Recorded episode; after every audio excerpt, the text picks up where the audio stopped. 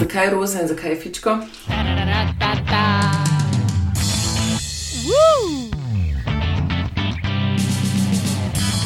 Itak, sigurno.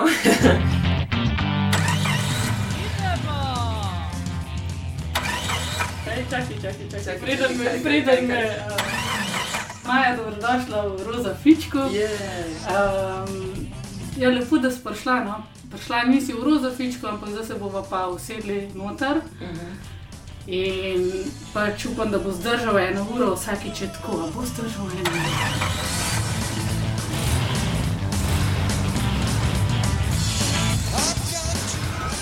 Se ne. Ne bi, zakaj ne bi zdržal? A veš, tako včasih je malo robotane.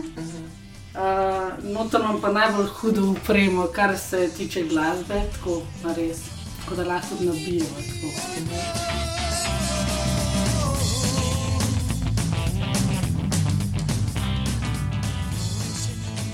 Živijo, Maja. Živja. Maja, povej mi tri stvari o sivi barvi. Barva, slon, dolg čas. Tri, Tri stvari. Povej mi tri stvari o majci. Ena, švica šful, dva, kratki rokavi, tri, včasih imajo take čudne napise, ki nič ne pomenijo. Gor. Tri stvari. Maja, povej mi tri stvari o mehurčkih. Milni mehurčki, to je bila enka, dva, uh, vedno počijo, tri, Maurica. Tri stvari. Tri stvari. Tanja, povej mi tri stvari o uhanih. Ena, lepi so, dva, včasih so leseni, tri tudi viseči obstajajo. Tri stvari. stvari.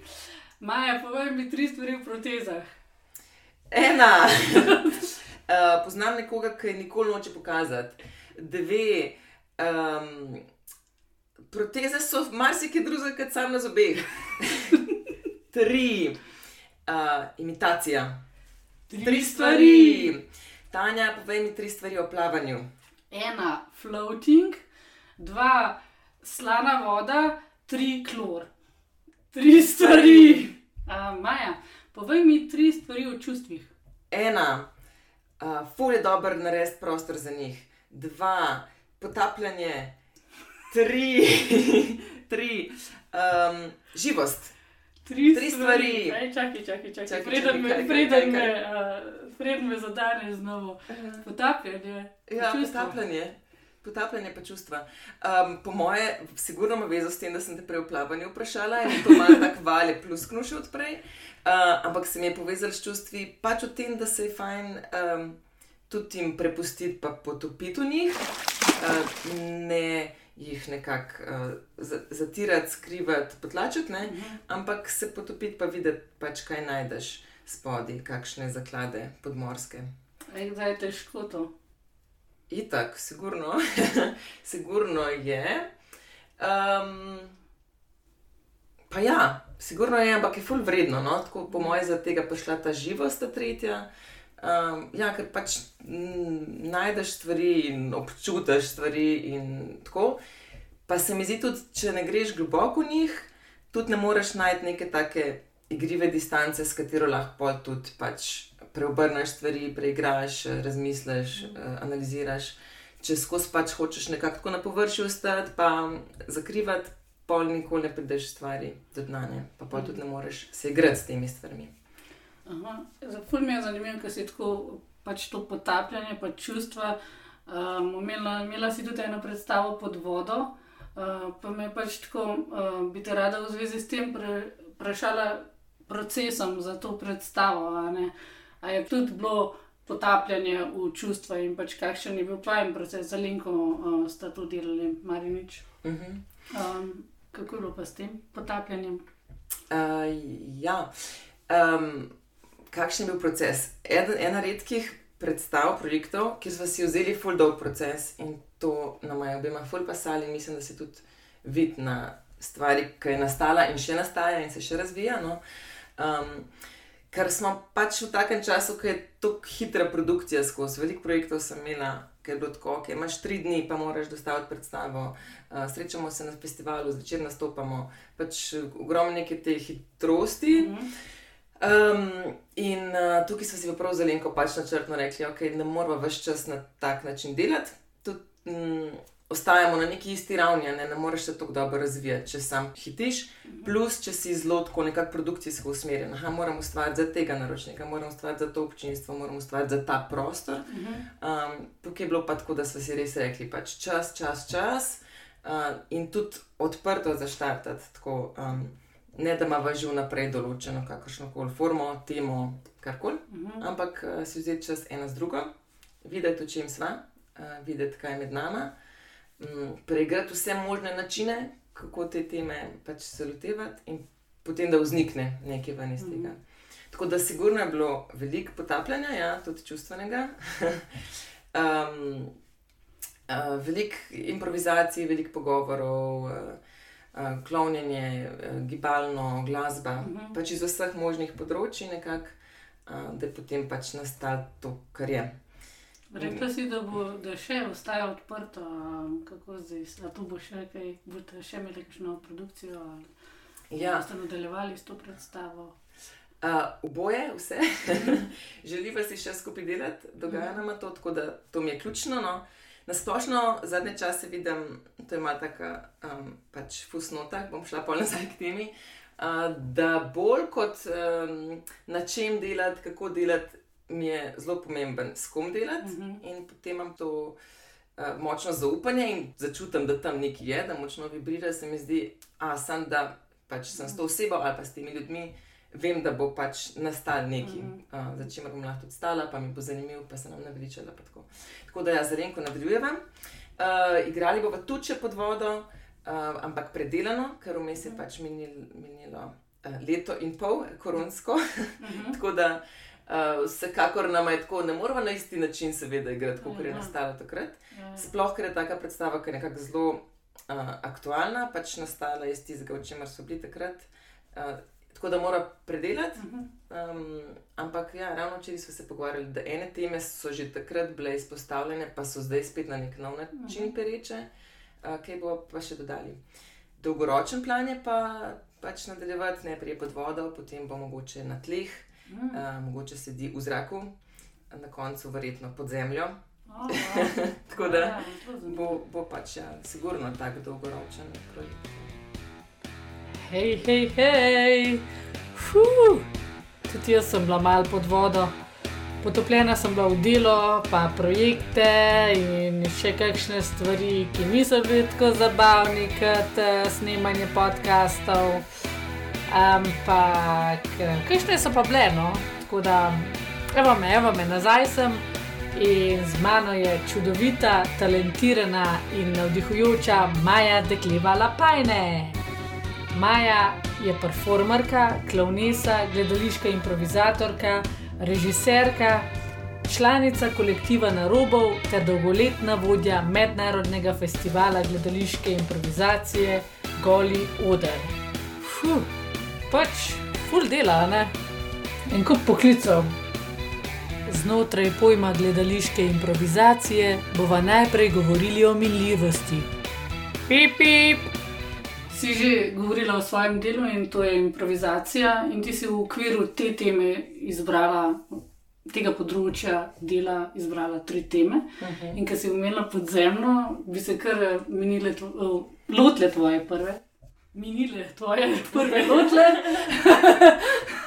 torej minljivost. Ja, ja. Um, evo, na napakah se učimo, izkoristimo, ne, naredimo to to je eno načelo impra. Um, jaz tebe dojemam kot zelo dobro improvizatorko, ne samo pač na slovenski sceni, ampak tudi kar sem imela priložnost videti te evropske scene, celo uh, mogoče celo kanadske scene, če je kdo prišel na obisk. Uh, tako da v bistvu sem te spoznala na odru, oziroma pač v tem procesu publika. Um, in nekdo, ki pač je performer, ne, to si ti. Um, tako da v zadnjem času, ko sem pač spremljala impro sceno, se mi zdi, pač, da si res vrhunska. No. Um, mene zanima pač ta tvoj proces, kdaj si se odločila impro. To bo pa ena stvar, ki jim bom posvetila večji del svojega življenja, in da si pač si rekla, da je to moj poklic. Uh -huh. Uh, ok. Um, srečala sem se z improvizacijo kot gledalka v osnovni šoli, um, kjer se spomnim občutka, da mi je bilo totalno strašljivo pač ustvarjati iz nič. Nasplošno sem bila ful zadržana in ful mi je bil problem, tako pač javno nastopanje. Zelo srame je bilo tudi trgovino, pa kaj so bile še te trgovine, da moraš povedati, podaljki, kaj hočeš. Me je bilo zelo srame iti v trgovino, pa naročiti pač hlebec kruha ali pa tako vsako, vsako tako, aha, nekaj moraš javno povedati, se mi je bilo pač dosti strašljivo. In uh, ko sem šla na to predstavo, na verjete v Dane Monroe, uh, v Kuda, kot pač um, recimo zgodna najstnica mi je bilo full the best, kar delajo na odru, in hkrati strašljivo to, da želijo neke predloge od občinstva. In skozi sem bila tako v krču na stolu, kaj če bodo mene vprašali, kaj če bodo mene vprašali, pa za tisto eno besedo, ki je itak beseda, ki jo ti želiš videti ne? na odru. Ampak prav spomnim se tega občutka, hkrati neke fascinacije, kako nastopajo, pa strahu, da bi pač jaz kadarkoli morala to. Um, tako da ni mi bila v osnovni šoli sploh ideja, da bi se ukvarjala z performingom. V srednji šoli sem se pa družila šolski improligi, kar mi je bilo super dobro in je tudi postala neka taka družba. Um, pač ljudi, ki so bili tako blizu, uh, smo se tam družili in hkrati nastopali, pa mislim, da mi je fulsedla ta improvizacija, predvsem v tem odnosnem smislu, mm -hmm. uh, pa nekem podpornem vzdušju, pa igrivosti. Uh, um, ne toliko um, izpostavljanju samega sebe, nastopanju pač na nek tak mm -hmm. način ali pa um, izgovarjanju nečesa, kar mi je kdo naročil, ampak mm -hmm. da pač bo ta neka ustvarjalna energija ven iz skupine. Um, in potem pa pa naprej v te razne druge impro projekte, v Impro Ligo, pa v Impro Klub, uh -huh. uh, pa potem na Robov. In tudi nikoli mi ni bila v bistvu ideja, da bom to delala za poklic. Uh -huh. uh, študirati sem šla na filofaks, uh, sociologijo kulture in pedagogiko. Ampak tekom faksa nekako mi je bilo vedno bolj očitno, da vedno več časa pač posvečam gledališču, pa še posebej improvizaciji. Potem pa, a v bistvu tudi služim s tem, da to delam, a tudi mednarodno pač eh, delujem v tem smislu in je kar nekako prevzel fokus, bolj je bilo to neko spoznanje, da očitno mi to, kar gre, pa fajn sem pri tem in bom pač v to v to šlano. Tako da mm, ni bil tako plan, kot je bilo ugotovitev, da uh mhm. -huh. je v to smer. Potem pa še razne druge stvari, ne samo znotraj improvizacijskega gledališča, um, ampak tudi v smeri klovnostva, pa fizičnega gledališča. Pa vedno več sem tudi režirala, tako da imam še vedno nekako to dvojno, mogoče ali pa No, pa še verjetno bi morala dodati zraven še neko producentsko vlogo, čeprav imam najmanj rada, ampak vse nekako se prepleta. No? Ja. In režija, in nastopanje. Ja, tako. Um, tako da pol že kar široko polje, no, prizoritveno recimo. Ampak tako pa, da si prvo rečem, a improvizacija, to pa mogoče iz zadnjih par let, no, čeprav vse čas tega največ delam, ampak zadnje par let pa, da sem tako še vzela, to mi je pač res mhm. Uh velika frustracija tudi in polno zanimanje. In zdaj, ko sem recimo razmišljala, ker si rekla tri stvari, sem skozi samo improvizacijo razmišljala uh mhm. -huh. in mi je tudi bilo to nekaj ugotovitev, ne, to o tem hočem govoriti, to mi je the best. In so pa v bistvu tri podteme prišle uh mhm. -huh. iz nje. No. Uh, Ko sem razmišljala o umiljivosti, vezano na improvizacijo, sem razmišljala tudi o sami pač predstavi improvizacijski, ki je v bistvu takoj, ko se konča, je pač minila in v bistvu nazaj v taki formi ne moramo več dobiti. Kako si vstopila v to idejo, da pač so nekatere predstave neponovljive, čeprav so zelo dobre. In a se ti kdaj zgodi, da bi hotela rekonstruirati kakšen moment, pač ne zavedno ali pa zavedno v naslednji predstavi? Uh, ja. um, ja, sigurno minljivost pride zelo enostavno noter skupaj z improvizacijo, ravno v tem, kot si rekla. Pač neponovljivo je, oziroma najbolj izrazito neponovljivo, ne ostane ti na koncu ena knjiga, ena slika in film, ali pa ena bolj fiksna predstava, ki jo še lahko um, ponoviš. In uh, ja, dolg časa mi je bilo to um, oboje hkrati žalostno, hkrati zelo vznemirljivo žalostno v smislu, da ja, pač ne moreš več nazaj, tega ni izginilo, sploh če je bilo dober konc. Um, in tudi, kaj, kaj pa sploh imam po vsem tem, zdaj ne, spet moram iti na oder, pa še eno predstavo, pa še eno Mhm. predstavo, noč nekaj lahko primem v roke, pa rečem, ok, to sem naredila, zdaj bom malo počivala. Mhm. Um, tako da iz tega neka ta mogoče žalost. Hkrati pa ravno zaradi tega tudi lepota tega, ker je tako pač toliko bolj živo, zaradi tega, ker veš, samo zdaj je in samo pač te ljudje, ki smo zdaj v tej dvorani, to izkušamo in potem je tega konc. Tako da ima tudi, seveda, svoj čar to. Um, ne vem, zdaj se mi pa zdi vedno bolj zadnje čase, da se nič ni ponovljivo. Um, tako da tudi kjerkoli, recimo, bolj postavljena V predstava. teoriji je, ne. Ja, Ampak pač eh, v resnici pa. Mislim, ne da se zavrteti časa nazaj. Mislim pač ne moramo iti več tja, ker smo bili Mm. včeraj, ne? pa tudi ne moramo več zdaj na začetek intervjuja, ker so pač zdaj tukaj. Ne? Um, tako da sem pol, ker nekako uh, se mi je zazdel, pa glih zdaj pred kratkim, ko smo z Gregorjem Kamnikarjem nekaj delali v okviru predelanega življenja, da mogoče je pa improvizacija prav ta trajnost, zato ker nič ne fejka tega, da se ne da ponoviti. Um, Um, no, nobene iluzije tega ni. Pač, no. Prav uh, nekako spremeš to minljivost. sprejmeš minljivost, ja. hkrati pa se mi zdi, še nekaj se zgodi. Improvizacija to k temu trenutku, da pač Mhm. uh, podpore teže oziroma oživi trenutek. Uh, da, ni, da nič ni tako random, no? Mhm. ni tako pač, ah, to slučajno bo zdaj. To nima veze, gremo naprej, ampak je Mhm. tako ne, vsak trenutek tukaj ne vsebine nosi vse, um, tukaj enih odnosov, tukaj enih tem in z improvizacijo to uživimo. In, evo, Ja, imamo, to, ja. to, to smo občutili, to se je zgodilo, na podlagi tega zdaj pač gradimo dalje življenje. In uh, ravno zaradi tega sprejemanja minljivosti v tem vidim neko trajnost, no, kar, Mhm. tako pač, kar pa je trajno, je pa to, ja pač skozi mineva. Mhm. Ves čas se končuje in ne moreš iti pač več Mhm. nazaj v to, kar je bilo.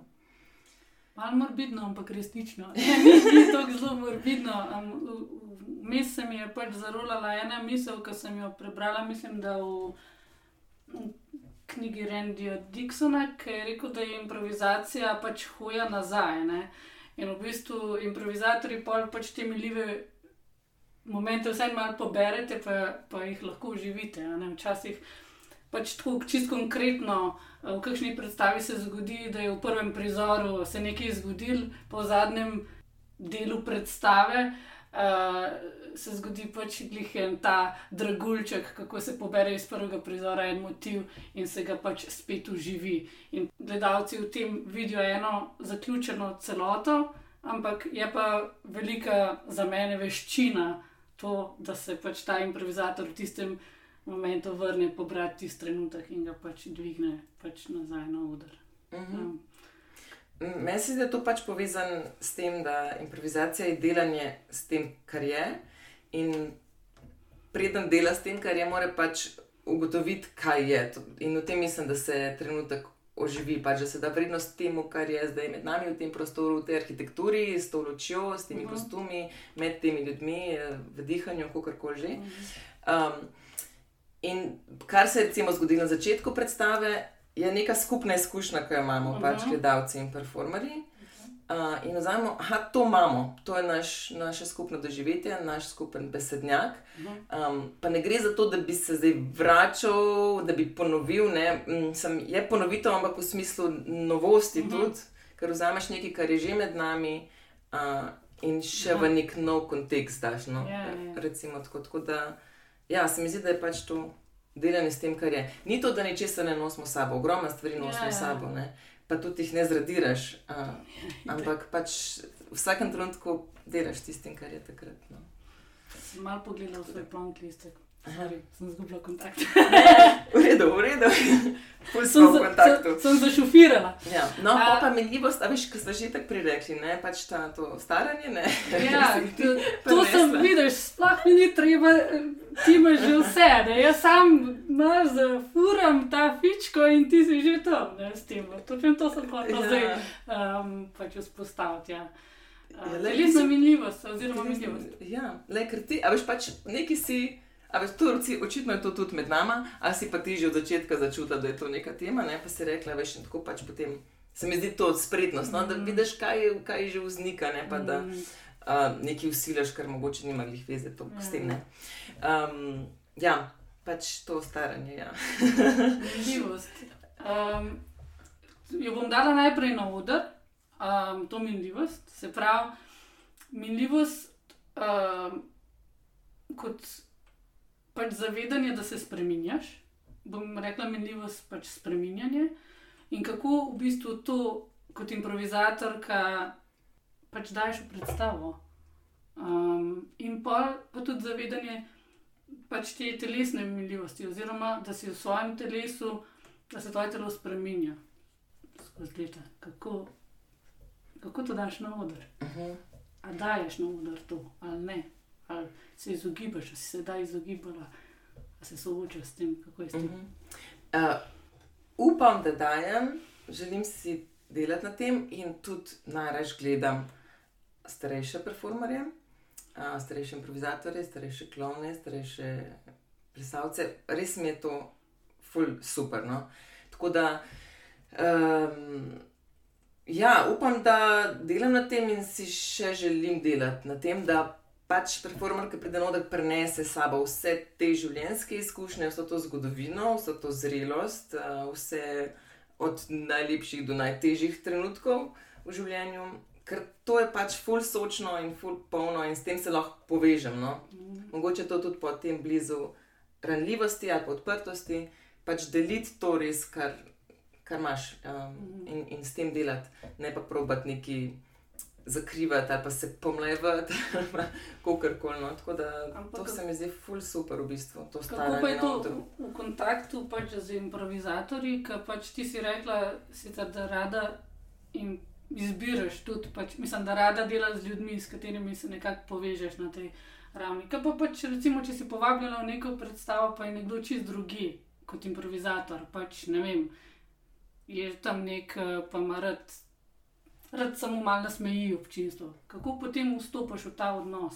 Uh-huh. A to še v povezavi z staranjem, z zmenjevanjem ali še drugače? Jaz mislim, da so zdaj malo sva v menljivosti, malo uh -huh. pa mhm. greva že na osebno očitno, uh -huh. uh, ker se mi je zdelo, da si začela, mislim, veliko razlagaš o sebi, pa bi pač tako malo zmešala tvojo drugo temo uh -huh. s to pač menljivostjo, uh, ker se mi zdi da je tukaj ena ta istočnica, ki bi lahko to mogoče raziskali. Um, Glej, v tem, ja. kar si rekla, pač um, rada gledaš starejše uh mhm. -huh. improvizatorje, ki verjetno imajo že vse po svojem telesu nek ta proces, imajo to izkušnjo. Ampak pa mlajši improvizatori, mogoče pač, mislim, imajo neko izkušnjo. Ne?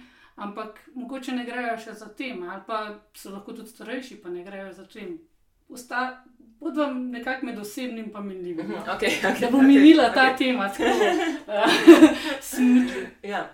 Um, ja, okay, glede, med, glede tega, da prideš na festival, uh, igraš nekom, ki ga ne poznaš, ali pa je pač tudi čist čist enega drugega stila, na drug način nastopa. Kako prideš s tem na oder, ali pa recimo, da je ful mlad, jaz pa ful stara.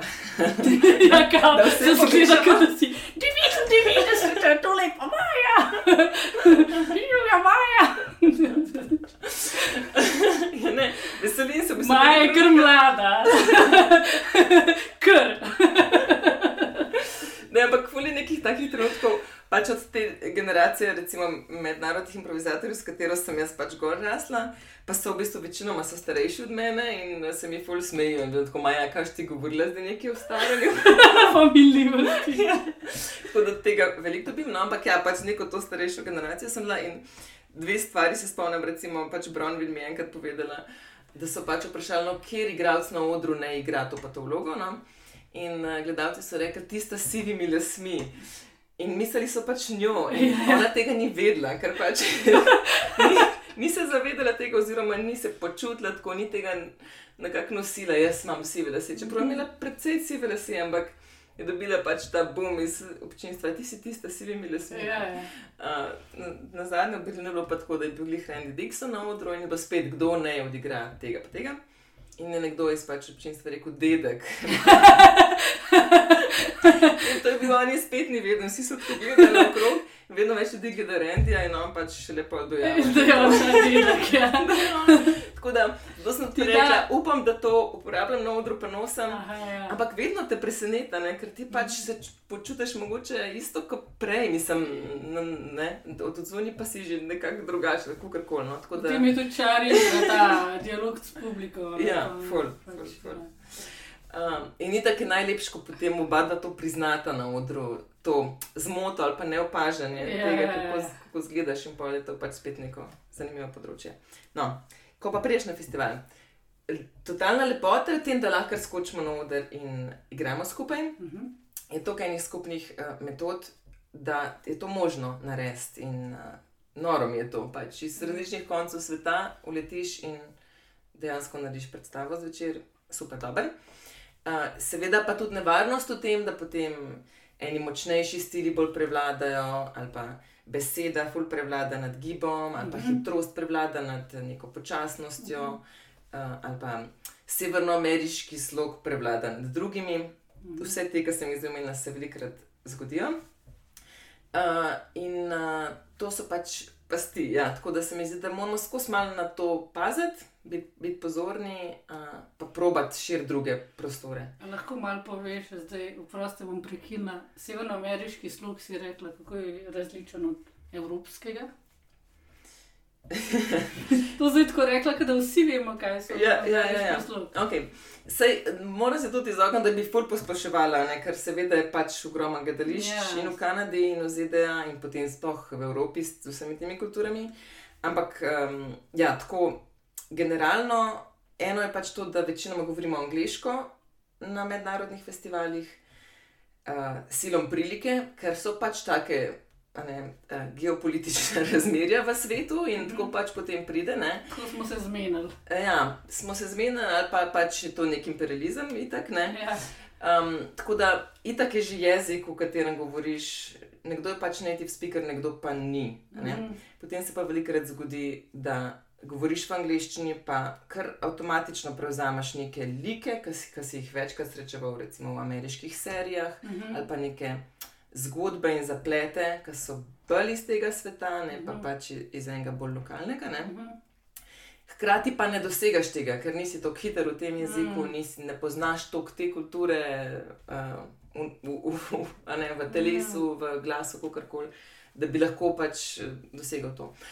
Kar je še značilno, velikrat zelo usmerjeno v entertainment, Mhm. uh, zelo besedno, um, mm -hmm. zelo velikrat tudi line, linearno, pač Mm. linearna zgodba. Um, ni toliko na nekih uh, fragmentih, ni toliko Mm. mm. na podobah, uh, slikah, uh, ni toliko na gibu. Mhm, okej. Tako da um, to. Je pa seveda se tam pač razvila um, gledališka improvizacija, mm. tako da vse spoštovanje pač Ja. yeah.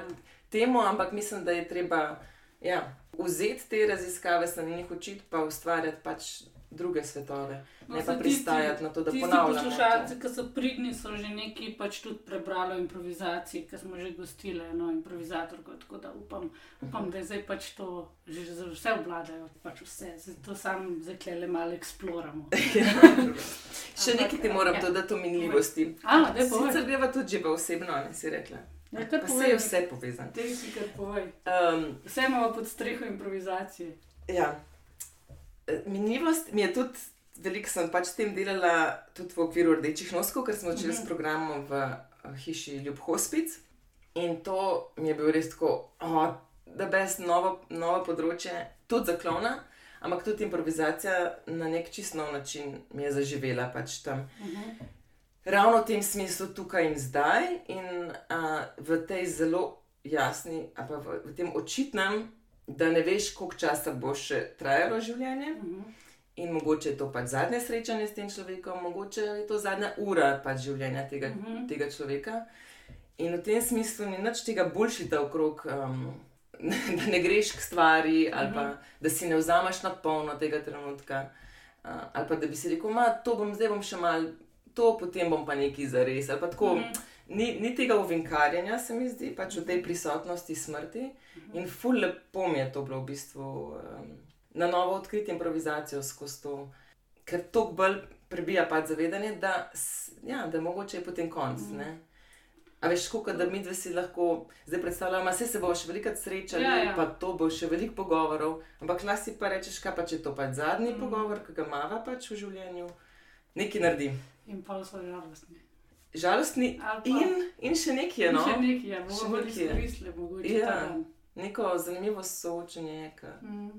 bolj polno naredi stvar. No? Um, ja, zdaj, ki si pač so minljivo zdaj tudi ven iz odra in z okvirov gledališča. In pač ena stvar, o kateri se ne pogovarjamo, dosti je pač minljivost, uh, smrt. Uh, čeprav zdaj se mi zdi, da v teh, bom rekla, COVID časih, če je to zdaj neka besedna. Zveza. Uh, smo pa imeli veliko nesmrti, pa tako, je pač smrt postala tako uh, nekako uh, v javnem diskursu prisotna. Ne. Um, jaz sem se tudi malo ukvarjala s pač minljivostjo v zvezi z boleznimi, ki so bile prisotne v moji družini.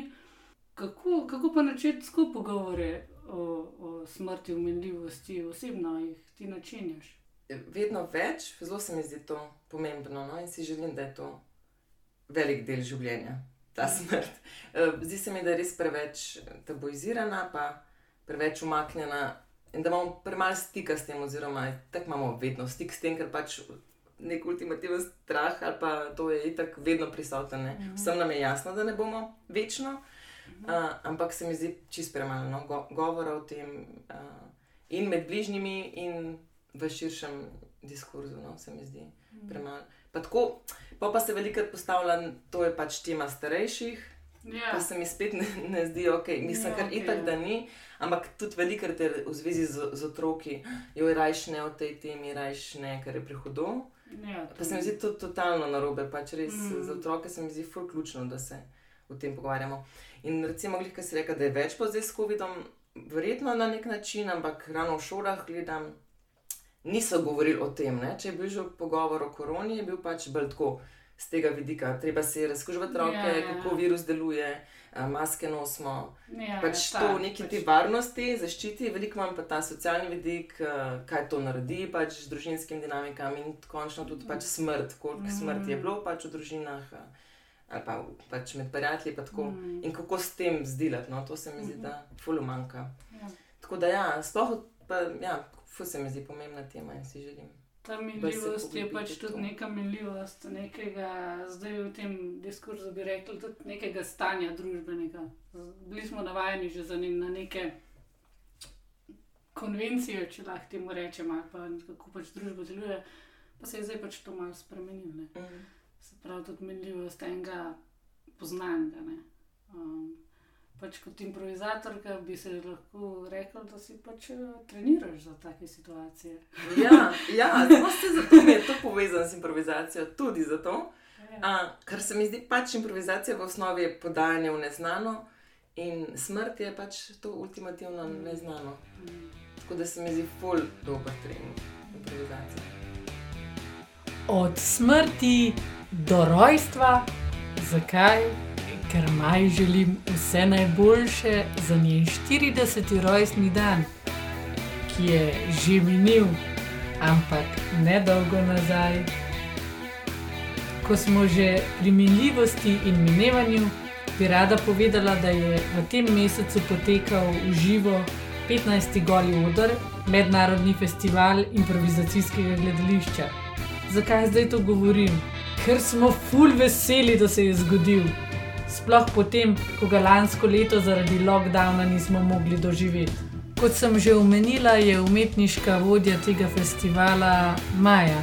Upam, da je bila happy, ker predstave so bile v glavnem razprodane, sicer zaradi vladni odlog, razpolovljene kapacitete, ampak mi mislimo, da bi tudi sicer šlo.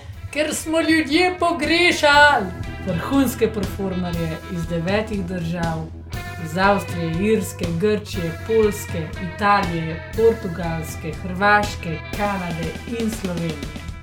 V program festivala so bile umeščene žanrsko raznolike predstave, ki segajo od improvizacijskega gledališča, gledališkega performansa, klovnovskega performansa do gibalnih predstav. Eh, Predstavilo se je pa kar 42 umetnikov in umetnic. Mm. Če ste ga zamudili, you're bad, ampak um, lahko mogoče ujamete še en delček tega festivala skozi gole odzive, pregledate slike, polajkate Insta, pa Facebook. Linke vam pripnem v opisu daje. Ja, kaj pa še? A ja, naslednja tema. Osebno, Maja dekliva lapajne. Koliko igrivo gremo lahko to ne. Gremo, gremo, lahko to. Ja. Pa koliko smo v trenutku. Osebno. Mhm. Ej, um, Kar sem osebno pogooglala, oziroma dala v Frana, ne, so bili prvi izrazi trije. In sicer osebna privlačnost, osebne značilnosti in osebni dohodek v tem, Oh. vrstnem, v tem vrstnem redu. Aha. Ja. Je privlačnost? Pri privlačnost, osebne značilnosti Značilnosti. in osebni dohodek. Mhm. Pač najprej je bila privlačnost. um, Maja, povej mi Ja. tri stvari o privlačnosti. ok, privlačnost. Um, ena, ne vem, zakaj mi- mi nekaj ni všeč v zvezi s to besedo. Dva, um, totalno veliko stvari in ljudi mi je privlačnih. Tri, um, gravitacija. A še ti jaz dam še eno, tri stvari, ali, Ja, ali ne? da, vem, da, ne, da, da sem to sem hotela. Pač Ja, Veš, kaj, zdaj sem pa, ko si mi to rekla, ja, super. Um, mislim, da mi je bila neprijetna privlačnost v smislu tega zunanjega pogleda, pa telesa kot objekta, ne, kar Aha, je aha.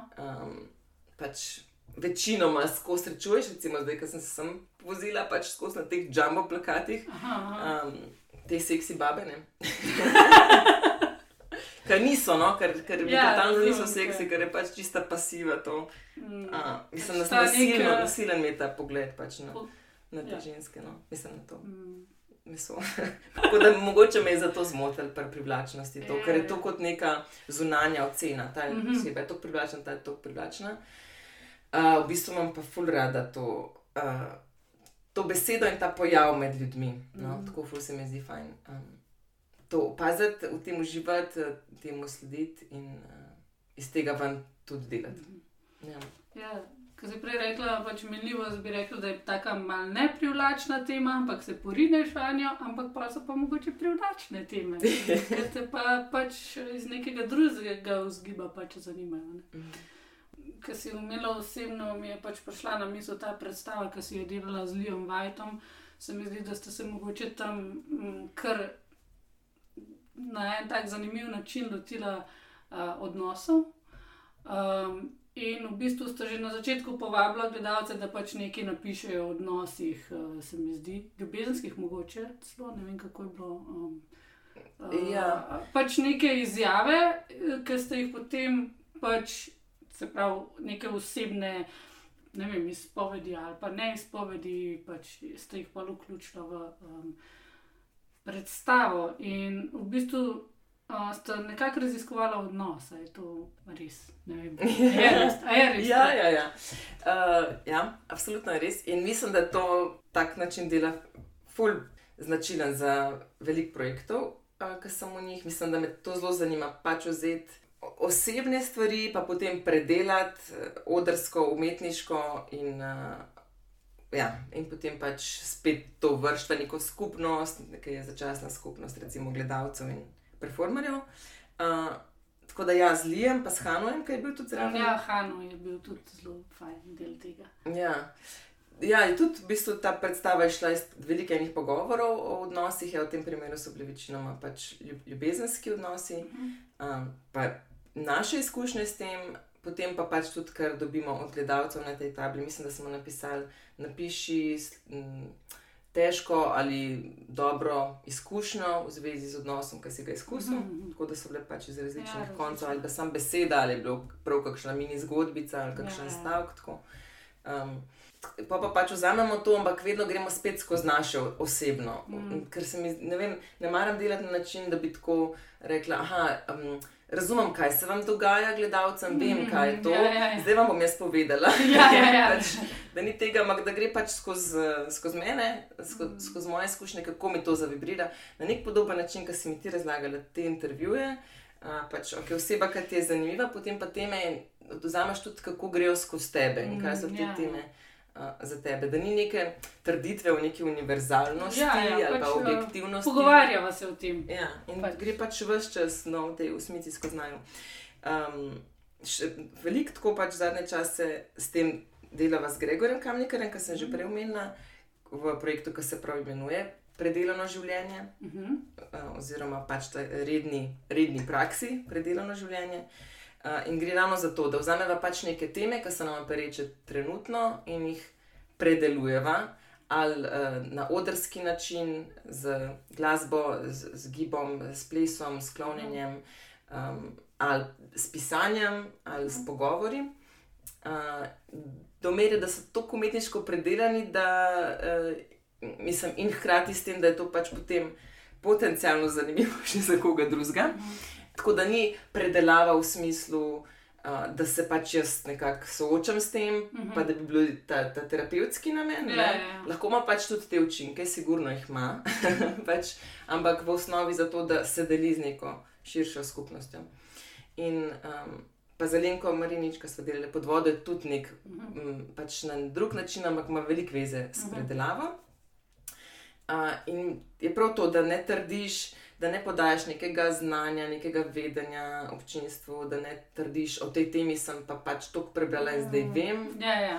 Uh, ampak veš pač, pa. kako je pa. to pri meni, Uh -huh. predelano na način, da se lahko še nekdo na to priključi, da zavibrira z njim, da najde pač neke stvari v svojem življenju, ki so ki, v odnosu s tem. No? Tako, tako nekako. Okay. Ne vem, če sem najbolj se razložila zdaj to. Lej, Si ali pa nisi. ja. Te bom malo zagrabila na konkretne stvari, pa bo mogoče lažje. Torej, Če, mogoče še to lahko okay. sam dodam. No? Ti kar se- pač zanima me osebno, in, ki ni zasebno, ampak osebno in performativno. Mhm. Tako da je absolutno pač čist kanal do tega vira, odkudar izhaja in tudi ne trdi, da je kaj drugega kot to, Mhm. ampak uh, predelano na način, da je performativno, no? da ni to neka zasebna stvar, ki jo pač zdaj mi izvajamo, pa jo še kdo gleda. A ja, ja, ja, razumem. Ja. Ja. Pač, ker pa se to kar zapre, ne. V resnici, če bi bilo nekaj, kar je, kar je sam vama jasen, če sta dva na odru, pa bi bilo tako, kaj, kaj je zdaj, uh, kje sem pa jaz povabljen tle. Ja, ja, ja. Ja. Pa recimo tako, ko smo zelenko delali pod vodo. Um, Mhm. Je še to nekako, da smo v, vsi smo pod to vodo. Ne? Ni to, da bi mi dve um, poskušali neki nad, a pa recimo, da bi potem gledalcem rekli: No, vidite, tako delate, ker ste kapitalisti, tako delate, ker pač eh, ste nacionalisti, ne vem, neki. Ampak da poiščeš vse, pač ujetost v to, ne. Ja, Ja, ja, pač ja. Samo, samo kapitalizmu, pl- pač v tem sem, to posod, okrog plavati moram v tem. Pač lepo uno potico daš na mizo, ne? jo lepo da režeš, da bojo gostje vedeli, da jo znaš speč. Točno to. In, In poiščeš vse to, pač, ja, to, da lepo si. slike otrok, ja. Ja, da poiščeš vse te želje po pripadanju, da Ja. znaš to narediti. Mislim, da ne greš sam, vi ste taki, to je tako, jaz mm. vem več, ne vem nekaj, ampak pač poiščeš vse te koščke, vse pa jih nekako daš na pladen, razprto, ranljivo. Razkriješ, ja. Ja, Sliši se čudovito, ta proces. Ja, ful, uživam. Ej, uh, se ti kdaj zgodi umetniška blokada? Ja, velikrat, sigurno. Uh, Kaj je povezano to z osebnim? Tako sem malo razmišljala, ja, to sem se utaknila. Na zadnje, po mojem, je to ta karantenska scena, um, ki bi lahko bilo kar ravno obratno, ne se pač eh, upočasnimo, ni ne šel pa skozi neko delo, uh, plus tako močna družbena tema, nova, da to bi lahko pač ognjemet idej bil. Ne? Mm. Sam glih nekako drugače to name deloval zelo zaviralno. Malo v smislu tega, tako velik, tako polno je to, tako ogromno, tako velik se dogaja, da rabim čas, da pač procesiram, predno Mhm. sploh kladam, kaj, je pač ven iz sebe. Drugo pa po mojem res to pač. Uh, Biti v, prost, v prostoru, veliko časa z istimi ljudmi, v družini, veliko šole nadaljavo, skozi neki pač ta gospodinska dela in to. In uh, vloga mame, kar mi je itak ta besta vloga, sam če je izključno, se, se, um, mi je pač da, ja, mogoče umetniška blokada, nekaj drugega mi je tako ponikne. Sem v eni fazi videla, že boljš, če grem sam tako 50 metrov stran od hiše, pač Mhm. da dobivam ideje, ali pa srečam še kakšnega drugega človeka, pač, ki Mhm. jih že dolgo nisem, kakšnega sodelavca, ali pa čisto koga drugega, že deluje pač ta, ta ustvarjalnost. No. Znotraj te potopljenosti pač eh, non-stop eh, ne, šolanje, kuhanje, rihtanje, usklajevanje, uf, uf, uf, uf, to pa pol se zapre. Si raziskovala vlogo gospodinje mame. Ja, ampak to, ker sem tok, tok, nok noter, ful težko. A veš, tako malo ven stopam, da bi lahko pol to preigrala. Ne? Mhm. Čim pa sem, pa lahko. Tako da Mhm. zdaj sem že v fazi, ki tudi lahko ustvarjam iz, iz tega, ne? iz Mhm. vloge gospodinje in mame. A, v izključni tako potopljenosti noter pa ful težko. Mhm. Tako Rabiš da- premikanje za ustvarjanje. Ja, sigurno je to. Premikanje, sigurno, ful si dobro povedala. Fizično in uh, po idejah in med odnosi. Mhm. Vse, premikanje, ja. ja, ja. Um, tako da to je ena, mogoče umetniška blokada. Sigurno več. Tudi. Ja, no, sem, sam pač tako. Vse to je bilo kar uh, zanimivo, ker mogoče moja izkušnja je bila tih obratna, da sem kar eksplodirala mal, ampak po eni strani tudi na en mal slabši način, ker, uh, no, ne bom rekla slabši, zdaj ne bom to, ampak sem kar mal posod hotla nekaj zagrabati, pa pač raziskvala ful tega do mere, da sem se tudi iz tega izčrpala. Um, pa sem pač tako.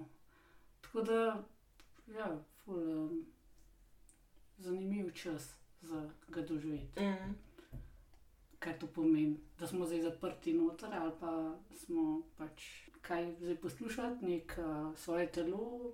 Nek glas, ki ga tam na televiziji, ki ti nekaj svetuje, ali zdaj moraš vse članke prebrati o virusih, ali uh, malo sociologiji, ali kaj je zdaj. Ne? Tako da smo bili vsi potisnjeni v eno situacijo, človek bi mislil za improvizatorje. Najboljši od vseh. Ja. Vse to. Ja, ne, čisto vseh lekcij nismo še dojeli. Preveč improvizacije je bilo. Ja, ne, ja, kaj pa vem. Ja. strukture rabaš v resnici, ti, da lahko džemaš? Mm. Um, hm, pa, pa, da ne znam točno odgovoriti, ampak pomislim na to, da velikrat je to, kadar si rečemo, da ni strukture, kot najbolj free forum, kot lahko, pač nobenih pravil si ne damo vnaprej, ne, pa dogovorov. Uh, velikrat to pride neka zelo konzervativna stvar ven. Tako zanimivo, no? ampak v bistvu v tej Kot svobodi, ker itak tudi ni, ne sej si že določen s tem, pač, ok, sva mi dve na odru, sva mi dve, ta koder je ta koder. Tako da tukaj je že toliko enih Mm, parametrov, ki že so, pa v kakšnem razpoloženju sva, pa kdo je z nama na predstavi, vse to, vse to že vpliva. Ne? Tako da je že malo iluzija v tem popo popolni svobodi. Uh, Veliko je pa ta mogoče strah pred tem, o karkoli, lahko karkoli, karkoli, pa se nam pač gre nekaj, da gremo na najbolj poznano, ali pa nekaj, kar vemo, da že deluje. Um, tako da sem kar zagovornica tega, da si je fajn, da včasih ful. Um, Tako, ja, zame, zamejene dogovore, veliko enih omejitev, pa potem znotraj teh prostorov pač iščeš, kaj vse, kako Mhm. vse lahko greš noter in čez. Tako, no? mm. Ja. V procesu pač, ustvarjanja predstave, se mi zdi, pa, ja, da je veliko tega iskanja, koliko mm, koliko dogovorov bo naredil zelo plodna tla za improvizacijo, da res podpre pač ustvarjalnost in pol špricajo ven stvari. mhm, Uh, in kje je tista meja, ki jih bo pa že preveč, uh -huh. da bo ubil to, ne? mhm, mhm. Kje jih je pa premalo, da spodbujajo. No? Tako se mi zdi pol odvisno od vsake posebne kombinacije, skupine, teme, koliko teh rabiš, koliko pa, koliko pa ne. No? Okay. Um, za Lenko, no, ko smo, delali pod vodo, je to bila glih ena zanimiva, ker smo se ukvarjali s tem zapiranjem prostorov, pa omejitvami Mhm. um, na različnih področjih. No, zato smo sploh izbrali glasbo kot nek medij glavni, ker imamo tako omejeno znanje znotraj tega. Potem, okay, kako znotraj teh zaprtih prostorov še lahko pač, uh, gibaš, plavaš, ustvarjaš. Um, več kot preživiš, da ne greš na to preživeti v naravi, no, sam da, sam da je, ampak pač da res si ustvarjalen znotraj Ja. tega. No. In pol v tem mehkem, zamejenem znanju glasbenem, kaj vse lahko pride skozi to, pa se mi zdi, da nam je full fine si da tam. Ja, mislim, meni je bilo dobro, tako da ko bo spet predstava, priporočam, gledati ful, zanimivo izkušnjo. Pa v bistvu vsakič je bila drugačna izkušnja, čeprav ne bi bila ista predstava. Ti, kaj poslušaš? Hvala, da si z nama. Zdaj le sem te mal potunkala v komati iz predstave pod vodo. Zajemi zrak in plavajmo.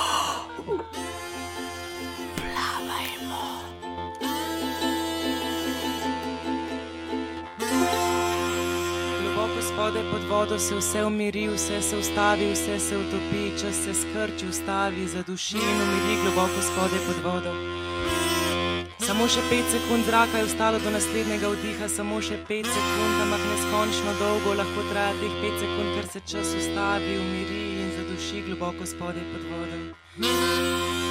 Nedoločljiva globina, ki seže globoko vame in me pelje in me nosi in me boža in me polni smiselno celoto misli in občuti, pa s čisto odsotnostjo misli in občuti. Glasna, objemajoča, pojoča tišina, popoln, pojoči nič, globoko spodaj pod vodo, vse pore, vse razpoke, vse vdolbine se zapolnijo z vodo. Jaz sem v vodi, voda je okrog mene, nad mano, pod mano, ob meni, voda je v meni, jaz sem del vode, jaz sem sestavljena iz vode.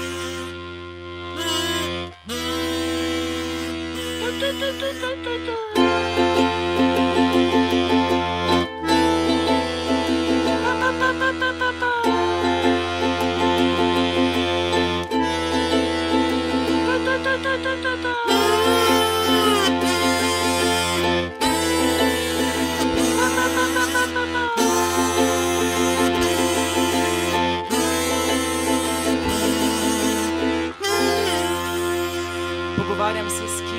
Algami in z morskimi zvezdami, površina nas sploh ne zanima, površino kar preskočimo naravnost v globine, nas pelje tok pogovora, globoko spodaj pod vodo, kjer se vse umiri in vse utopi.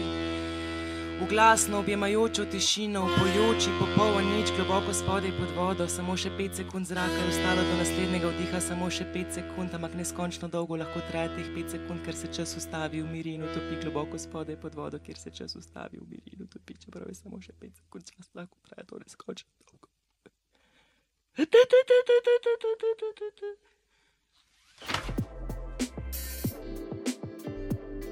Zdaj, ko smo vsi skupaj že pošteno namočeni v tale podcast, pa vas vabim, da zaplavamo še v tretji del. Improvizacija in politično. V moji fičkasti podmornici pa mi še vedno dela družbo Maja. Mimo politike res nismo mogli v tem času. Ne? In ti si izbrala tudi eno temo politično. Jaz sem malo razmišljala, v bistvu, kako se je ena predstava, ki je bila politična pred, pred koronskim časom, Pred našim štetjem. pred in našim štetjem. BC, before Ja. korona. Če bi to isto predstavljali po koroni, ali bi bila kaj bolj politična, a kaj manj politična. To zdaj pač težko je zdaj to reči, ker pač improvizacije niso iste predstave, ampak ena stvar, ki sem um, razmišljala v zvezi z gledališčem, ki je politično, je, a gre tukaj za raziskovanje zgornje meje, pač nekega dovoljenega, nekega, oziroma v smislu nekaj, kar ni tako, da gre mimo. Če hočeš biti Oh, kako težko Nekako. vprašanje. težko vprašanje, Ja. Um. Ja. um, Tako sem razmišljala, evo, če bi bilo zdaj, bom pa uslikala. Če bi bilo zdaj tako, eni stražari tam na predstavi, ki bi določali, ok, to še gre, to še je v skladu kralju, s kraljem um, Jožefom I. Ja, v redu, v redu, pa pa, a ne, to so pa preveč rekli, bam. Grete dol, zapremo gledališče in grete v zapor. A veš? Mm, A je to raziskovanje neke, kje smo še lahko, kje smo Malo bi te vključila v to razmišljanje. Ja, ja, ja vse je super, super. Um, ma, ena stvar, ki se mi zdi, je to, da če rečeš, jaz pa delam politično predstavo, politično gledališče, uh, kar jaz ne rečem, recimo za svoje stvari, čeprav se mi zdi, da imajo tudi politično v, v, v delu, no? ampak ne bi, bil pa to, ne bi bila pa to opredelitev ali pa namen. Uh -huh. Ker pa se mi zdi, da to je pač pol politična akcija, uh -huh. kjer si zadam nek cilj, kjer želim na določen način vplivati, ker hočem določeno število ljudi prepričati, neki, neki, neki. Okay. Uh, mogoče niti pol ni najboljša metoda gledališče, ampak kakšna Neke druga. intervencije v prostoru. Ja, mogoče, pač, ne vem. Um, ja. Tako da um, se mi zdi, da bi preveč predstavo samo v to smer dala, da je to pač edini cilj in tudi v Mm. odnosu do občinstva je pol to neko prepričevanje, Mhm, okej. izobraževanje, angažiranje, mogoče tudi provociranje, ja, ampak se mi zdi, da se preveč zameji samo to in da je pol um, si usmerjen, tak bo rezultat tega. Pa se mi zdijo super politične akcije, ampak pol bi jih raje mogoče delala izven gledališča. Okay. Um, se mi zdi pa pač po, veliko političnega, no, sploh pa improvizaciji, Uh -huh. um, da tok teh principov, ki jih imamo, tok teh načel, ki jih imamo na odru, lahko apliciraš pač na, na družbo na, in, tem, in potem tudi na No, politično dobro. delovanje. No, To je to, kar si govoril o tem kralju, po glavi stavlja, zapor pa to.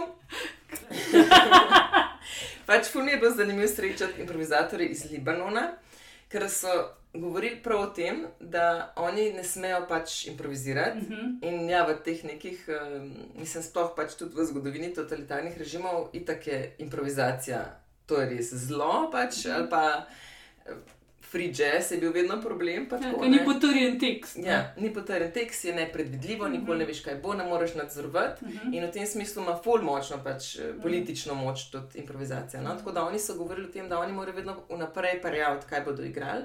In oni pač neki parjavijo, neko besedilo dajo, potem pa v bistvu ne delajo tistega, ampak improvizirajo, ne? tako ilegalno v bistvu. To se mi zdi, wow, noro, mislim, pa, ta, pač To še moč, obstaja. to ja. še obstaja, pa tako res. Ker vidiš na nek tak zelo srov način to moč improvizacije. Um, in noro je, ker pač ne predstavljamo si toliko tega v Sloveniji, čeprav itak, da tudi je, odvisno, kjer kraj daš, pred katero občinstvo Ja, se marsikaj lahko zgodi. Ne? Jaz sem celo slišala, če sem tako malo Da, raziskvala pač, eh, politično gledališče, je bilo pač razlika med improvizatorji, političnimi, nekaj pač nek pa pač ne, neko mm, te predstave, ki so pač železni repertoar, pa so pol se pa nekako tako začelo razvijati, mogoče telesno pač, gledališče. Ne moreš se delati, da ni šel. Ne, v bistvu, Ja. Še vedno je treba razlagati, ja. Delati s tem, kar je. Zdaj, mogoče mi smo Ja, zdaj v tem tem vsi ne, ampak sigurno je pač neka nevarnost in potencialno neka, neka moč v šida nepredvidljivosti in v pač, neznanem. In, um, nekako v filozofiji improvizacije ali pa v njeni no, premisi je to ful močno, se mi zdi. Mm. V večinoma v praksi, ko izvajamo, um, se mi zdi, da to pomanjša to moč velikrat. No? Mm. Mogoče jih podobno, kot smo se prej pogovarjali, v strahu pred neznanim, greš potem na neke preverjene formule, na neke ustaljene vzorce, um, ponavljaš neka družbena razmerja, ki so, a veš, tako. Um, na mestu raziskovanja enih novih odnosov, novih stvari. Ne? Tako da velikrat, ko gledaš in ko oh, to je samo stereotip na stereotip, to je samo nek pofel, to je samo neko tako, a veš, pač kar se bo dobro prodajalo v mainstreamu, no, nobene raziskave o tem, no, nobenih novih pristopov. tako. Uh, ampak v sami filozofiji improvizacije pa ful nosi to uh, ne, nepredvidljivost in neznano, to je po mojem se- totalno velika moč politična tudi. A se ti zdi, da zdaj v tem času, ko so bile gledališča zaprta, je bilo pač to, da bi nekdo izvajal gledališko dejavnost, je že samo po sebi pač bilo v enem momentu politični statement. Ja, si, sigurno. Ja, ja malo mal imam tako občutek, da, bo, da bomo postali tako mal underground subkultura, ki se bomo v garažah dobivali v nekih manjših skupnostih, pač enih ljudi, ki jim pomeni nek ta dogodek, ki ni pač zdaj žurka za rojstni Maja, dan, to bi bilo pač kar kul. dogodek. Ja, jaz sem ful za to, no, ful se To mi bi bilo v to bistvu važno. kar kul. Cool, Mislim, jaz sem malo razočarana, da tega ni bilo. Ljudje si niso upali riskirati. Ja. Ampak, da je bilo zdaj. Ja. veš, eh, ne poslušajo še podcastov, no. Pač to ti. Pa to si imel teh, Cenzure. teh, teh predlogov. No, kar se mi zdi tudi pač nek politični aspekt zanimiv pri improvizaciji, je pa tema hierarhije Mm. ker je, in kolektivnega ustvarjanja, sodelovanja, sobivanja. Mm. Ker pač ni tega, da je ja, ena avtoriteta, ki je um, ukazala, predlagala, uvedla, kako bomo zdaj delali, kam bomo prišli. Uh, ampak je pač res to skupinsko delo. Tako da tudi v tem Mm. smislu vseh teh načel in načela, ja, in Mm. uh, ker ti pač uh, aktivno poslušaš svoj igralca, vzameš mm. Ta predlog. Ne pomeni, da se strinjaš s tem, ampak si slišal in na tem pač dalje, mm. dalje gradiš, dodaš. Ne? Ali pa mogoče še bolj jasno, nekako je načelo, drugi je prvi. Uh, se pravi, si najprej v odzivu na, mm. na Mhm. sočloveka, kar ne pomeni, da sebe zgubiš. Pač mm. tvoj odziv je še vedno tvoj, ampak uh, Moraš gre biti v z njim. Moraš biti z njim. Ja. Na, v bistvu svoj, ja, svojo, svo, svoje, svoje mesto, svojo svobodo preko drugega tudi uh, iščeš in se odzivaš na to. No. Tako da to se mi zdi tudi fulnika lepota. Mogoče je tako malo anar, anar, anarhično to. Mogoče.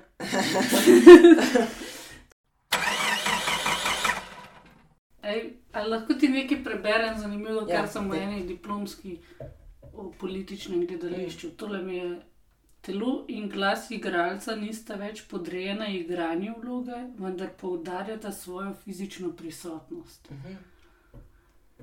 Pač, uh, govor je bilo o tem, da je bil pač najprej zelo pomemben pač tekst, ki ga poveš, ne?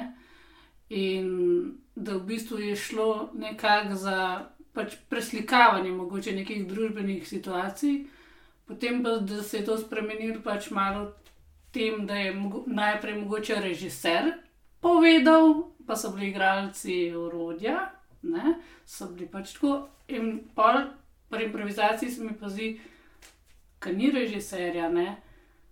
da pa to, ja, telo in glas, pa fizična prisotnost. Ne?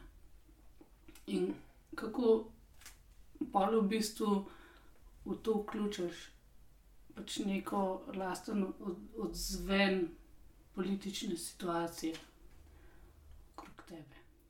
Ja, ful, super je to. Ful se, mi zdi dobro. Ja, pač jih to, da ni, mm, ni teh podrejenih vlog ali podrejeno besedilu ali podrejeno režiserju, uh, izvajaš nekaj, kar si je nekdo zamislil, ampak vsak pač mora stati tam za tem, s tem.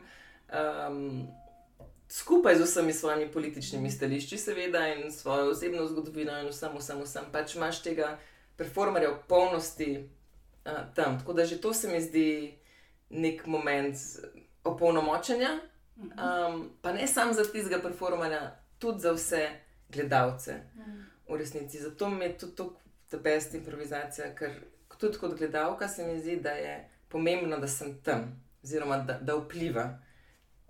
Ta dogodek ne bi bil enak, če mene ni. Uh, ta dogodek ne bi bil enak, če ga spremljam na drug način, če diham na drug način, če se zasmejam na drug način, kakorkoli.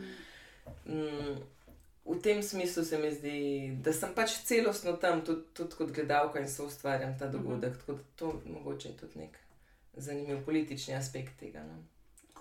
Sem jih pred kratkim sem prebrala v bistvu eno kritiko, um, ki jo je napisala Dragana Alfirevič o predstavi Posebna izdaja od Andreja Rah Podržavnik. Uh, ki je tudi improvizacijska in jih Dragana tako zanimivo tam piše o tem, da je lahko celostno tam, da je ne nagovarja predstavo v smislu samo enega njenega dela, ali pa da Mhm. zahteva od nje na točno določen način vključenost, ali pa da bi samo, da bi jo gledala na način, da zdaj sem na vem, predstavi mm, stopnega plesa, zdaj sem na predstavi gledališke improvizacije, zdaj sem Mhm. na tem, ampak da pač nekako lahko čuti, da je celostno tam in ima tudi dostop do sebe in uh, performerji upoštevajo, kdo je v prostoru z njimi. Tako da, in tudi ona v bistvu v tem neko političnost najde, no, se mi zdi Mhm. zanimivo, kako je. izpeljala. Uh, pa še nekaj, sem se zdaj spomnila. Ja. A lahko, a ti že, a ti že dela, si mi hotel nekaj povedati? Ne, ti kar. Pa so te sam vprašati nekaj, ampak ti kar povej. Ja. Še, še to se mi zdi mogoče. Si me videla, da improvizaciji. miljejo, a ne kar Totalno, čili. nekaj si bila ful zanimiva, se vidi. Ne pozabiti. Ne bom. Um, v, da je pač ni uh, cilja, a ne pri improvizaciji. Mm, Mm, to se mi zdi neka zanimiva stvar v tej ciljno orientirani, storilnostno Mhm. orientirani družbi. a ne. Do tja hočemo priti, delamo za to, to bo na koncu proizvod, to bo rezultat. Uh, pri improvizaciji pa bolj v osnovi gremo iz tega podporno vzdušje med nami, so, sodelujoče, so ustvarjalno vzdušje, kar je treba pač tudi seveda. Kako bi bilo to lepo implementirati vse, a ne eh, pač aspekte življenja, pač a, gospodarstvo, a, politika. A, Ja, ful, ja, totalno, vse to pač se mi ti zdi, timi, da ima, ne? ja, da ima Pa toliko zanimivih šolstvo. političnih im- Pač implikacij. ja. podpora, ne? Ja, to. Podpora in potem tisti, ki smo v podpori, bomo pa našli, kaj, kako bi mi zdaj skupaj živeli, Mhm. kako bomo mi zdaj skupaj, kje odločitev bomo sprejeli, kako bomo ustvarjali pač to skupnost. Ni v osnovi, tja bomo prišli, to bo. Mhm. Ne, ampak najprej podporno okolje, uh, podporni odnosi, potem pa ne hierarhično skupaj do tega, kako mislimo zdaj živeti skupaj. Ja, to je. to je pač meni kar malo romantično. No? Ja, Ena taka romantična ideja znotraj, ki sem jo našla znotraj impra in jo potem včasih pogrešam. Tako. Ampak se ne Ja. da, ne da se pač, je pač treba imeti ljudi on the same spektrum, ali kako ne rečem. Pač, ne? Ampak se da premikati, ne? Tudi če si en tam sam improvizator in pa malo drezaš od ljudi. ja ampak ja, se, pa to je to, kar si rekla, romantično in redko je. Mislim, romantično v smislu skoraj utopija. Pač, ja. Ja, Uh, ja. um, utopija, ampak. A veš, ut utopija obstaja, ne? Mislim, Mhm, pač ja. rečeš, da je to utopija, ampak je, ne? Ampak je to v tem- en cilj, a? Ups, ups, to se pa ni išlo. um, tako da, ja, ne vem, zaslutam to, se pravi, v premisi improvizacije, neki globinski filozofiji, ampak kokrat v praksi je to zelo malkrat, no, ni tako, da bi to vse čas opažala. Uh, ampak mislim, da ja, je zanimivo to raziskovati. Uh, ja, kar sem mislila vprašati, je zelo tako. Ne? Kako pa trenutna politična situacija v Sloveniji in mogoče celo sve, svetu vpliva na tvoj ustvarjalni proces? A si tako on fire, zdaj paš imaš res nekaj zapovedati? In kako se je to spremenilo, bomo spet rekli, od časa BC, before korona? Uh -huh. Se zdi, da imaš več zapovedati, se zdi, da imaš manj zapovedati, se zdi, da imaš isto zapovedati. Hmm. Ja, mal, to gre malo v smeri te umetniške blokade, ki sem prej govorila o njej, ampak sem že čez njo. No. Tako da se mi zdi v tem obdobju, da ja, je bilo najprej to, da noč ne morem, noč nimam zapovedati o tem, sploh se ne znajdem v tem, ne morem toliko stopiti v svojo situacijo, da bi lahko igrivo ustvarjala. Mm. Zdaj je to že mimo in imam že to vznemirjenje in radovednost in željo, pač ja, predelovati to odrsko, um, delati na tem. Mm, bolj ali manj, kot prej, puf. Pa ne vem, nič, ne, ne, ni toliko razlike. Se mi zdi, da mi gre dosto v valovih, uh, kdaj se mi zdi, da lahko pač eh, predelujem in butam ven stvari, kdaj pa se moram bolj zapreti. Mhm. Pa, mm, ne pri neki. Ja. Se pravi, ni, to politično ni glavni tvoj spodbujevalnik za umetniški proces. Uh, ja, mislim, ne, ni glavni, ni po mojem glavni, je pa zelo velik pač, ja, Mhm. spodbojevalnik, ampak se so tudi prej se dogajale pač stvari, ki so. Mislim, se pač skozi je treba delati s tistim časom, ker smo pa s tisto družbo, kjer smo. No. Mhm. Um, drugače pa ta turbokapitalizem itak že vse čas tukaj, tako da Ja, ja. pač dobiva neke različne obraze, ampak se Mhm. tudi prej je bilo treba delati z njim, pa zdaj je treba tudi s tem delati. Tako da to se mi zdi, da, da šopa in da treba pol, ja, pač delati s tem več čas. Koliko pa kaj pogoji vplivajo na moje delo, to pa sigurno se mi zdi. No, tako, Mhm. um, Pogoji pa je. ja, ja, tako, ne, ne, ne zdi se mi tako, oh, okay, slabše pogoje, ki bom imela, bolj bomo ustvarjalni. pač, to se mogoče nekomu zdi, ne. Pač, v, Ja. v večji revščini, v manj pomankanju prostorov, v večji Mislim, represiji, gledališča so bila kar zaprta. Ja. Sej. Tako da. Ne, Tako, tako da, ja, ja, pač to, ja, jaz, ja, to se mi zdi, ja, rabim prostor, ja, rabim prostor, pa rabim biti z ljudmi. Pa ljudi, ne, Ja. publika. Ja, Kako je zdaj to zmanjšano publiko? ja, vse to, vse to rabim. Mehne publike so mi super, sem Mhm. lahko rada take intimne dogodke, mm, top shit mi je to. Um, če ne bom zdaj sam še tega delala. um, ampak. Uh, Pač ja, ja pa, publiko pa ja, no, in, in, in sodelavce. No. Mm. Mm. Sem pa pač tudi verjetno tak uh, tip človeka in ustvarjalca, da, da rabi kolektivno soustvarjanje. Ni mi tako uh, inspirativno biti sama, sama, sama. Vem pa, da nekatere tudi to ful lahko počke. No. Ej, se mi je nekaj utrnilo, ne bom nikamor umestila, ampak maske so pač ena beseda, ki se veliko velik zdaj pojavlja v pač, diskurzu, javnem, kjerem koli, privatnem. Klovni, ne. Klovnski nos je najmanjša maska, ne, ki jo pač tako nekako, ki jo pač uporabljamo v gledališču. Ampak zdaj ste dobili še eno masko zraven, kako ste s tem? Kako ste, kako ste res, ker vse je nekaj mimikrije, pač je nekaj dela z obrazom, pa ste bili malo porinjeni v to še eno masko. Mm. Uh, ja, na nekaterih programih smo sicer tudi imeli že prej masko. Jaz sem veliko delala na hematološkem odraslem Mhm. oddelku in tam smo imeli pač več čas eh, maske, kape, um, plašče, Uh -huh, pokrivala za čevlje. uh -huh. Tako da od tega osnovnega klovnovskega kostuma, ki si ga imel, se je zelo malo pač videl, Mhm. čez ne. Uh, pa se nam je tudi sprva zdelo, tako o, težava, ne morem delati s tem, ker imam pripravljeno, ne, Mhm. da je pač ta, to klovnovsko stanje, ta klovnovski lik. Um, in sigurno, ja, pač veliko manj obrazne mimike, čist drug način je pa treba bolj izrazito z očmi delati, ker je to pač edini del, ki ga imaš zunaj. Um, ampak pol hkrati se mi zdi, pa je ne delati s tem, kar je, da se spet vrnemo na to. In včeraj, recimo, recimo ko smo šli za Lenko v bolnico v Izoli, smo si pač na to masko narisali tako neka rdeča lica. Uh -huh. Na kar se je to tako res grdo razpackalo, pač narejen tako s šminko in ne s kakšnim flomastrom, ker bi bilo veliko bolj uh, smart, ampak ne, mi smo šminko, pa se je to razmazalo še s to elastiko odnosa, se je tako. Da je res slabo zgledalo. So prišli oni klovni iz Ita, uh, v Izolo.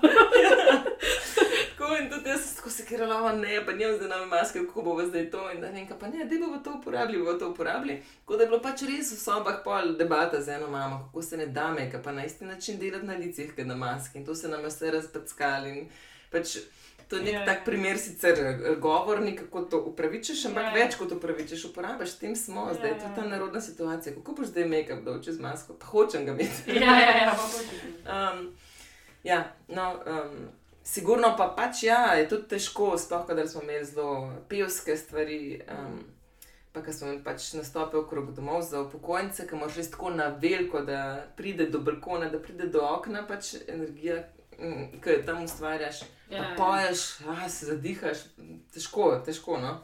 Um, Ampak v nekem fizičnem smislu. Um, ja, smo in se da pač, ja, to, je, to, je zdaj, to je zdaj nujno. Ne? Mislim, Eno, če jaz bom zdaj počasi uh, ustavila fičko, moje stople, ker so prišle na res. Uh, Kam so prišli? Ja, pač na obalo, ne, pa nisem šla. Ja. Pač. Plavati, ja, plavati. plavati. Povej mi tri stvari o morju. Oh, ena. to je bil, oh. Uh, dva uh, globina, Mhm. tri povezanost, ki je ta voda, veš, na tem delu sveta, pa na drugem. Uh, hvala, ker si bila gostja, hvala, ker si se purala z mano. Veliko stvari smo govorili in uh, sem vesela, da si prišla. Super, Da ful hodila hvala. z mano. Pa upam, da se spet uh, pač kam zapeljeva. Ja, da ni bil zadnji pogovor, ne? Ja, ne, upam, da ne. Da to bi me malo žalostno naredilo, mečkano kepco sem dobila. želim si še druženja s tabo, tako da um, nekje pa že ne. Ja, Če ne v fičku, pa v modri dači. v modri dači. Čau. Čau! Tri stvari! Hej,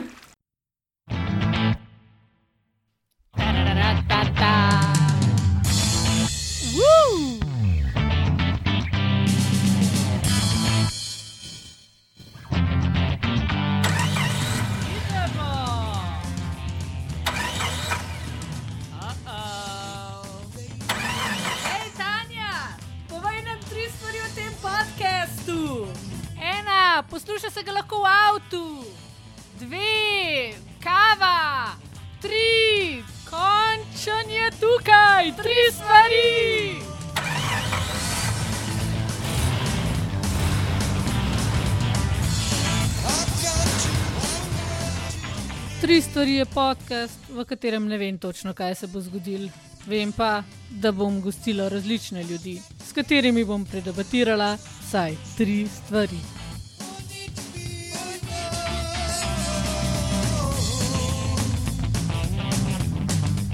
Vaša šoferka bom Tanja Matjaševič, improvizatorka, ki ne špara besed in včasih odene v kap tudi kakšno gorensko poezijo. Tarlam tam tam. Poslušajte. Zakaj roza in zakaj fičko? A Ja, Če zdaj si lahko ti, privoščim še zdaj pa jaz ti. Uh, pač fičko je zato, ker je tako malo nostalgičen uh Mhm. -huh. moment in um, se mi zdi, da pač, ko postajam starejša, postajam tudi malo bolj nostalgična. Oziroma, mi prinesejo neki taki momenti, ki mogoče zdaj fičko ni že več vsem poznan, neke spomine. In včasih mi je pa zanimivo, kaj pač fičko, uh, tam pač fičko, kot avto, kaj pomeni pač mojemu gostu, moji gosti in tako malo se uravnavam glede tega. Tako da tudi to te bom zdaj vprašala, kaj pa je tvoja pač asociacija na fičko, ali imaš kakšno zgodbo s fičkom. Uh, ne, ampak zelo sem se povezala s tem, kar si rekla, postajam starejša in sem bolj nostalgična. To se mi ful dogaja. Um, Nekaj je, po mojem, tudi s tem, da bom kmalu 40, pač ta okrogla številka. Tako da, sigurno imam vedno več te nostalgije in fičko mi je tudi mi je v to smer. Kar mi je pa še fičko, mi je pa neka krhkost Uh -huh. um, in potem tudi ranljivost, kar mi je pa tudi ful ključna stvar nekako v življenju in v delu. Um, ful se mi zdi lepo in vredno neke krhke prostore pač negovati, zadržati, eh, širiti, raziskovati. Um, in vem, da je ful težko do njih prideti, ampak ful vredno. No? Tako da velikrat se mi zdi, pri mojem delu hočemo ujeti neko to krhkost, ranljivost, pa pa tako, če pač neki na tej poti gre narobe, pa svališ, je res hiter uničen. ne. Um, če pa ujameš to, pa prideš, je pa pač ful lepo lahko. No? In tako da fičko mi je tudi neka taka asociacija. Sigurno mi je pa tudi humor, ker pač res, to je res malo smešen avto. To pač ne more biti, ja, res je. ni pač resen. Ja, ja. Ker ta koncept neke mašine na drugi strani. Ja, pa nikakor ni pretenciozen, pa nikakor ni tako, pač ni tak carski avto. Ne? Mislim, carski v, je v tem pač v humorju in mehkosti in tako. Uh, Ma pa full attitude, to je pa tudi full dober. Ja, Ker ja. ni tako sam mehen, pa brezvezen, ampak je pač tako, ja, evo, stojim za tem. Evo, pač Tako da- grem, pa še zdaj sem tukaj, Ja. v vseh teh letih. In roza? Ja, Podobno. roza. Ja, ja- jaz sem roza kar tako izbrala, ker večkrat me, me ljudje dojemajo tako, kot da sem malo bolj fantovska. No, to velikokrat slišim. ne, Mogoče sem malo akceptala um, pač tudi ta feminilen del sebe.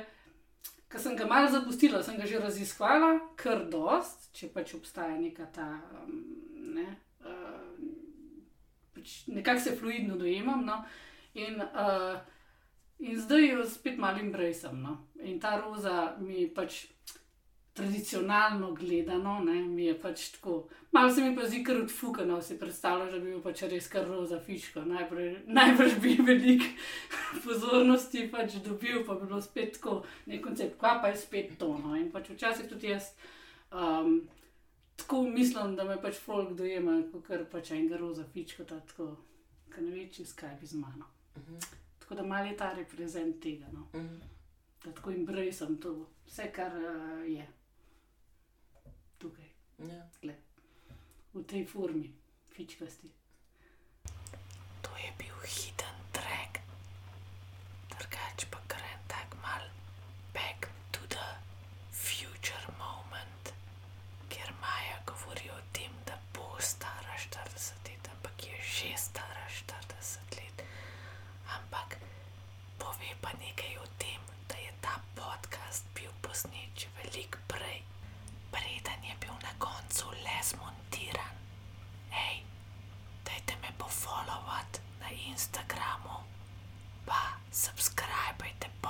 podcast na vseh podcasterskih platformah.